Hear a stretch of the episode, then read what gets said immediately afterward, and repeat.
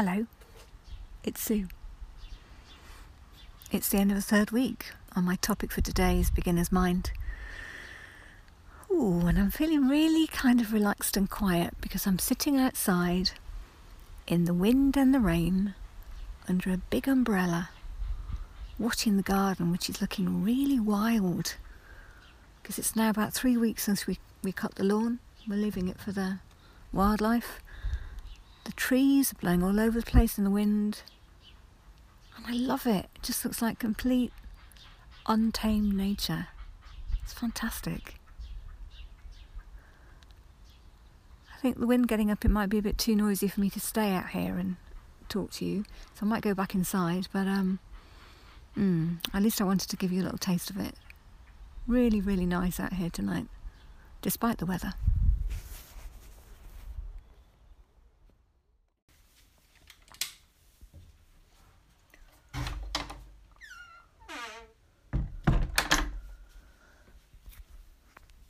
Back inside. Let me get myself settled down in the seat.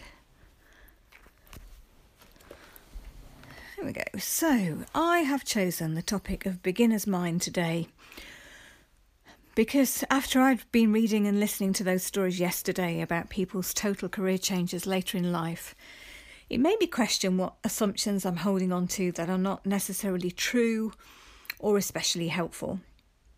So, the other day, you might remember I said I felt too old to be learning a completely new skill or being open to a completely new career or type of work. But now I think, well, that's not true, is it?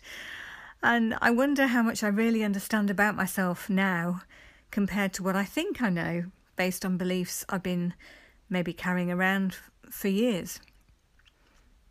And each day I get sent an email called the Daily Good they can be about anything positive or thought provoking or inspiring.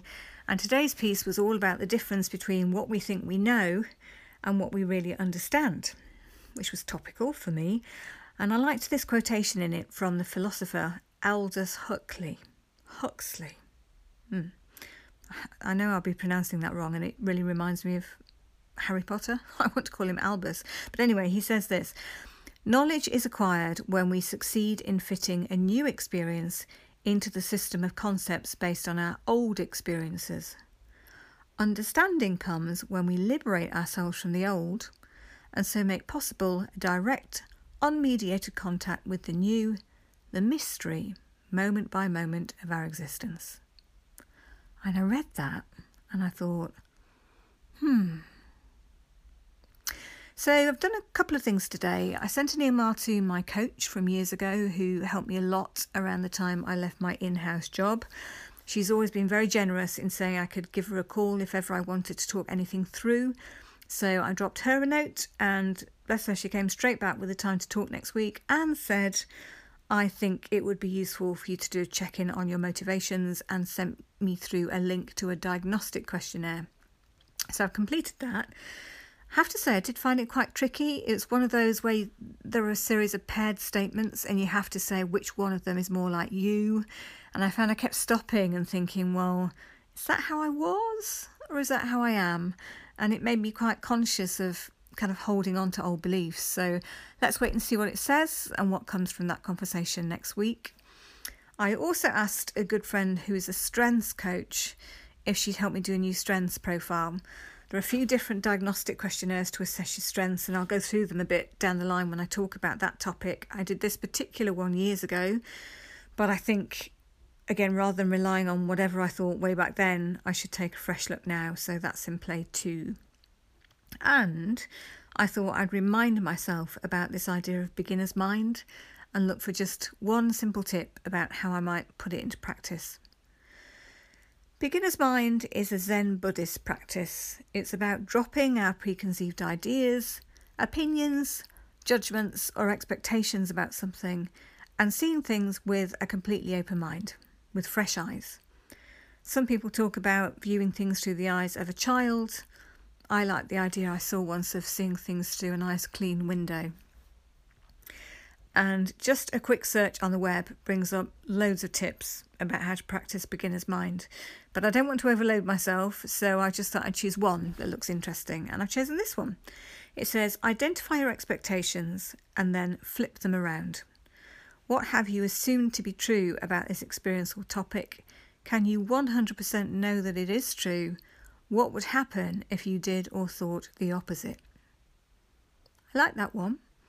Like the idea of, first of all, looking for the assumptions, and secondly, thinking, well, what if the opposite were true? How would that affect what I think or what I do? So I'm going to take that with me for the next week or so and um, see how it is to try that out. And I always like to throw a question over to you too. So, my question to you today is Is there a topic or a situation where you think you might benefit from beginner's mind? The coach I'm talking to next week always used to talk about getting out of your own way. So, where are you holding on to judgments or preconceived ideas or expectations that are getting in your own way? And how do things look if you view things through a beginner's mind? And that's it from me at the end of a third week. 15 days. Gosh, I feel a bit as if I'm walking around in big circles. I'm having to make quite an effort not to count these days going by and beat myself up for not having made more progress. So I'm going to remember what William Bridge what William Bridges said back on that day when I was thinking about the in-between stage. And he said to celebrate small wins. So maybe I'll make myself a list. In the meantime, I'll be taking a break for the weekend. Thanks for your company this week. I hope you're okay and that you can look for some wins to celebrate this weekend. Big ones are lovely, but small wins are important too, especially if um, if you've not had the best week. So take care and speak next week.